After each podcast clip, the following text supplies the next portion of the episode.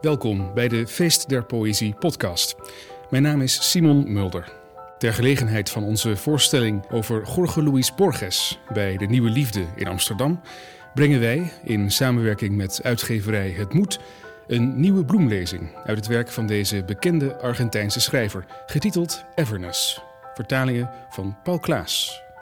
In deze podcast kunt u voordrachten uit deze bloemlezing verwachten, interviews en liederen op teksten van Borges waaronder de première van opnieuw een gloednieuwe compositie.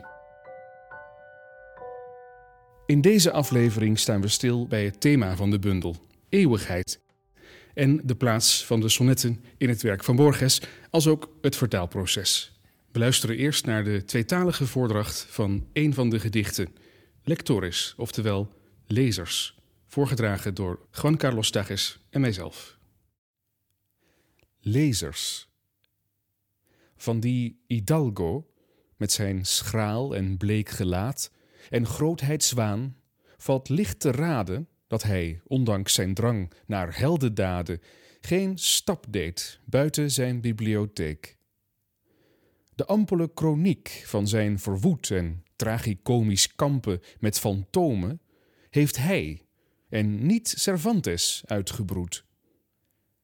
Het is niet meer dan een kroniek van dromen, dat viel ook mij ten deel. Mijn leven was een eeuwige en wezenlijke gave. Ze ligt in de bibliotheek begraven waar ik over die Hidalgo las. Een ernstig kind dat traag de bladen wendt, droomt vage dingen die het nog niet kent. De aquel hidalgo de cetrina y seca tez y de heroico afán se conjetura que en víspera perpetua de aventura no salió nunca de su biblioteca. La crónica puntual que sus empeños narra y sus tragicómicos desplantes fue soñada por él, no por Cervantes, y no es más que una crónica de sueños. Tal es también mi suerte, Sé que hay algo inmortal y esencial que he sepultado en esa biblioteca del pasado en que leí la historia del hidalgo. Las lentas hojas vuelve un niño y grave sueña con vagas cosas que no sabe. Bij ons is aangeschoven de vertaler zelf, Paul Klaas, dichter, romancier, essayist en vertaler. Hij promoveerde op een proefschrift over Hugo Claus en doseerde aan universiteiten van Nijmegen en Leuven. Enkele, slechts enkele van de auteurs die hij vertaald heeft zijn Horatius, Rimbaud, Joyce, Baudelaire en Eliot. Maar er zijn er vele meer. En nu dus ook de sonnetten van Borges. Van harte welkom. Goeiedag. Ja, fijn dat je bent. Het gedicht Lectores wilde ik meteen maar uh, mee uh, met de deur in huis vallen lezers. We hebben het over een Hidalgo en over uh, Cervantes. Uh, hoe komen deze in dat gedicht? Ja, een Hidalgo is in het Spaans eigenlijk een edelman, maar een lagere edelman. Maar zo'n lagere edelman die droomt natuurlijk van grotere heldendaden. In het geval van Don Quixote, want daarover gaat het, de held van Cervantes, is het een totaal verarmde edelman die in zijn bibliotheek allerlei ridderromans leest en daar heel grote verhalen bij verzint. En die wil hij dan waar gaan maken, maar dat mislukt natuurlijk falikant. En uh, Borges neemt dus die figuur als een soort beeld van zichzelf. Namelijk, ja, hij is eigenlijk ook een soort van Don Quixote. Want uh, in zijn prille jeugd uh, was hij verzot op de bibliotheek van zijn vader. Hij las daar alle mogelijke boeken. Zijn vader was trouwens een boekenliefhebber, professor trouwens. En trouwens, hij mocht niet naar school gaan. Dus hij moest uh, in die bibliotheek eigenlijk zijn eigen wereld creëren. En dat is dan toch een heel groot thema in zijn werk. De echte wereld bestaat niet voor hem. Het is allemaal de wereld van de fantasie. En dat vergelijkt hij dan met de lezer in het algemeen, wij als lezer van zijn werk, ja, wij zijn ook een soort van Don Quixotes die bij het lezen de prachtigste avonturen beleven. Prachtig. En als ik het gedicht eh, goed lees, uh, beweert Borges dat Don Quixote, die uh, bij Cervantes toch al die avonturen beleeft, in feite eigenlijk nooit een stap buiten de bibliotheek heeft gedaan. Ja, zo is het. Hè. De, ik heb het al verteld, in zijn kindertijd uh, mocht hij niet naar, school, want hij was een beetje ziekelijk. Dus hij was eigenlijk opgesloten in die bibliotheek en hij heeft daar de prachtigste avonturen beleefd. En hij heeft ooit wel eens uh, verteld van eigenlijk de grootste gebeurtenis uit heel mijn leven, dat was de bibliotheek van mijn vader. En daarvan dan ook, maar dan maken we even een uitstapje naar de verhalen. Bijvoorbeeld de bibliotheek van Babel. Ja, dat is een uh, heel merkwaardig uh, verhaal van hem. Want uh, Borges is natuurlijk vooral bekend om zijn fantastische verhalen. In beide betekenissen van het woord dan. Dus magische, realistische verhalen. Waarbij hij inderdaad onmogelijke werelden toch heel realistisch schept. En een van die verhalen is, het bibliotheek, is de bibliotheek van Babel. Een soort bibliotheek waar alle mogelijke boeken verzameld zijn, maar werkelijk alle mogelijke. Dat betekent alle boeken met alle mogelijke lettercombinaties. En, die let, en al die mogelijke lettercombinaties brengen natuurlijk ook alle mogelijke werelden tevoorschijn. En dus eh, waarom zou je eigenlijk nog naar de werkelijke wereld op zoek gaan, naar het avontuur, als je gewoon in die bibliotheek kan duiken en daar de meest onvoorstelbare dingen beleven? Ja, dat past ook weer heel mooi in dit sonnet. Het is ook, ja, dat kan ik niet anders verwachten natuurlijk inmiddels, um, perfect vertaald, metrisch en rijmend kloppend. Het Spaans um, heel mooi omgezet. Zijn er dingen waar u tegenaan liep bij het uh, vertalen van de sonnetten van Borges? Dat valt nog mee eigenlijk. Uh, alleen de rijmen zijn natuurlijk moeilijk. Hoewel het nu ook weer niet zo is dat het Spaans verschrikkelijk veel rijmen heeft. Borges gebruikt ook niet speciale rijmwoorden, dus je moet ook niet naar exotische rijmen op zoek gaan. Maar je moet wel lang passen en wikken en wegen om het toch een beetje te doen kloppen.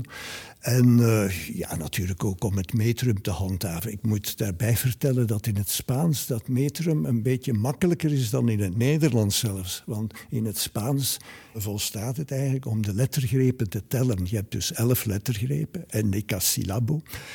En als je die hebt, dan is je, dan is je vers volmaakt.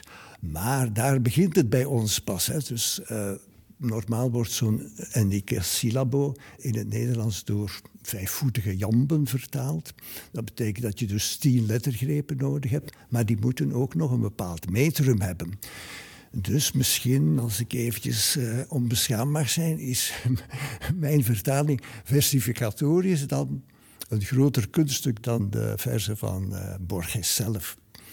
Dan laten we dat gebruiken als overgang naar een heel ander deel van het oeuvre van uh, Borges. We gaan luisteren naar een milonga, een uh, volksmelodie, een volkslied waar uh, Borges ook veel van geschreven heeft. Prachtig op muziek gezet. we luisteren naar zang van Juan Carlos Tages, die wij in de vorige aflevering al hebben gehoord. De milonga de Dos Hermanos.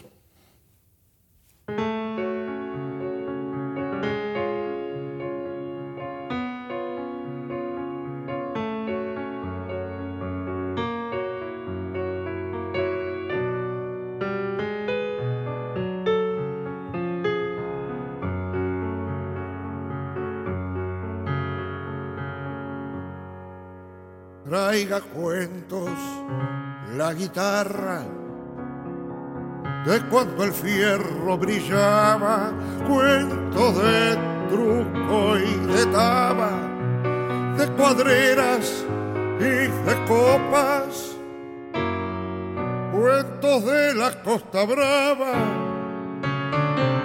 y el camino de las tropas.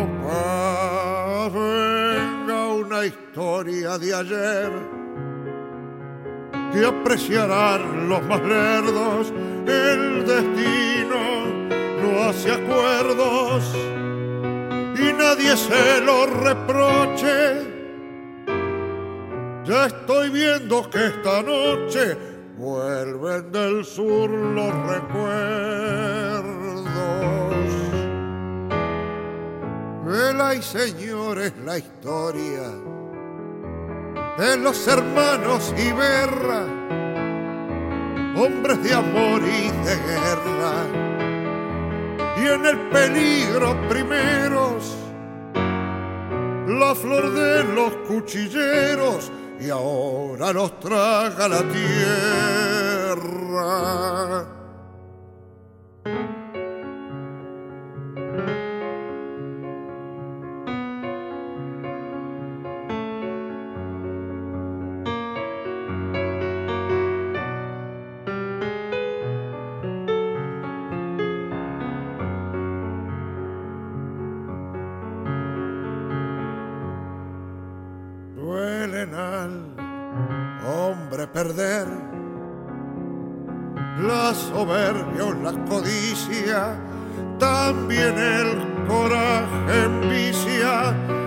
Quien le da noche y día.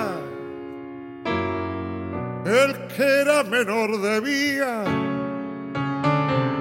más muertos a la justicia cuando Juan Iberra vio que el menor lo aventajaba, la paciencia se le acaba tendiendo un lazo, le dio muerte de un balazo allá por la costa brava. Así de manera fiel, conté la historia hasta el fin es la historia de Caín, que sigue matando a Abel. Es la historia de Caín, que sigue matando a Abel.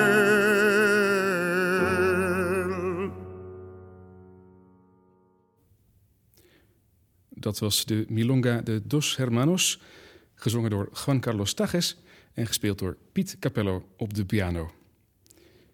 Dan wil ik graag het eh, volgende gedeelte inleiden, waarin we iets heel bijzonders gaan horen. Een erg bij Borges passende verwerking van verschillende delen van de vertaling van Borges' sonnetten door Paul Klaas. Hij heeft namelijk een aantal fragmenten uit de sonnetten achter elkaar gezet, zodat die een nieuwe betekenis krijgen.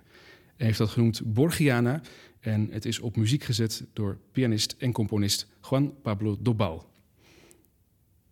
Ik, die hier heden nog te zingen sta, wordt morgen al de duistere, de dode bewoner van een wondere, verboden wereld, zonder wanneer, of voor, of na. Alle dingen zijn woorden van een taal waarin er iets of iemand doende is, om dag en nacht het ongerijmd schandaal te schrijven der wereldgeschiedenis. Je bent onkwetsbaar? Hebben jou de goden die het lot bepalen niet de zekerheid gegeven dat je stof wordt? Is je tijd wellicht niet onomkeerbaar als die stroom? Weinig of niets weet ik van mijn voorvaders uit Portugal, de Borges. Vaag geslacht, waarvan gewoonte, angst en levenskracht nog stromen in het duister van mijn aders. Ik ben hen die niet meer zijn. Zonder reden ben ik s'avonds die mensen van het verleden. Eén ding bestaat er niet: vergetelheid. Zijn voor altijd zonder geweest te zijn. Ik heb het ergste kwaad op mijn geweten dat iemand kan bedrijven. Ik was niet gelukkig. Steeds vergezelt mij het verdriet een ongelukkig man te zijn geweest. Waarom volhard je, eeuwige spiegeling? Waarom herhaal je, duistere verwant, de vluchtigste beweging van mijn hand? Waarom die weerschijn in de schemering? Als ik dood ben, verdubbel je een ander en nog een ander, ander, ander, ander. Ja, de bewerker en de componist hebben zich enige vrijheden veroorloofd met uh, zo naast elkaar zetten van verschillende stukken van de vertaling. En we hebben net besproken dat eigenlijk elk fragment wel een hele podcast uh, kan vullen. En ik wilde vooral stilstaan bij de bijzonderheid van het lyrische van het op twee na laatste fragment. Ik heb het ergste kwaad op mijn geweten dat iemand kan bedrijven. Ik was niet gelukkig. Um, daarbuiten gaat uh, Borges eigenlijk vooral in op uh, de wereldgeschiedenis, kunst- en filosofiegeschiedenis. En dan komt plotseling ja, een hele lyrische ontboezeming. Ja, dat is inderdaad een buitenbeentje in het hele uiveren van Borges. Borges heeft zich altijd verzet tegen een romantische opvatting over literatuur, namelijk het ontboezemen, het op de voorgrond zetten van het eigen gevoel, het eigen leven, de gebeurtenissen. Hij vond dat eigenlijk ja, in het licht van de eeuwigheid futiliteiten en hij wou zich echt toeleggen op het belangrijke volgens hem, namelijk filosofische overwegingen, dingen over uh, de zin van het leven, zeg maar, over uh, niet zozeer zijn hoogst persoonlijke belevenissen, maar alles daaromheen. Maar dan, op een bepaald ogenblik, sterft zijn moeder, een moeder die hij echt aanbeden heeft. En die is op dat ogenblik 99 jaar oud. En dan begeeft er iets bij hem. En hij schrijft dat gedicht waarin hij bekent van, ja, ik heb de ergste zonde gedaan die een mens kan begaan, namelijk ik ben niet gelukkig geweest. En waarom is dat zo erg voor Borges? Omdat net zijn moeder, maar ook zijn vader, heel hoge verwachtingen had op, op hem als, ja, als iemand die de eer van de uh, familie zou voortzetten. Iemand die zoals de voorouders van die moeder uh, een groot militair zou geweest zijn. Of iemand die zich aan de literatuur zou begeven en dan een groot literator zou worden. En Borges, ondanks zijn groot succes, heeft zich nooit als een groot literator beschouwd, merkwaardig genoeg. Dus dit is een soort bekentenis van, ja, mijn leven is tenslotte mislukt, omdat ik eigenlijk de grote verwachtingen van mijn ouders niet waar heb gemaakt.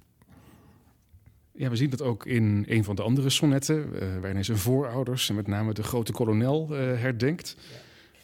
Ik denk dat dat een mooie inleiding is om te gaan luisteren naar de nieuwe compositie van Juan Pablo Dobal, die ook op piano te horen is met zang en voordracht van Juan Carlos Tages, Borgiana.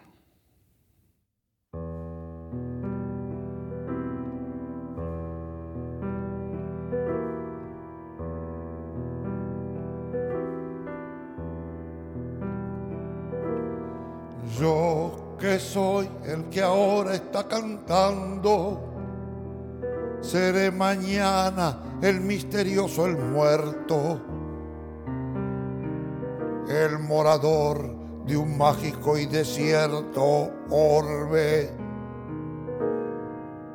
sin antes, ni después, ni cuando. Todas las cosas son palabras del idioma en que alguien o algo noche y día escribe esa infinita algarabía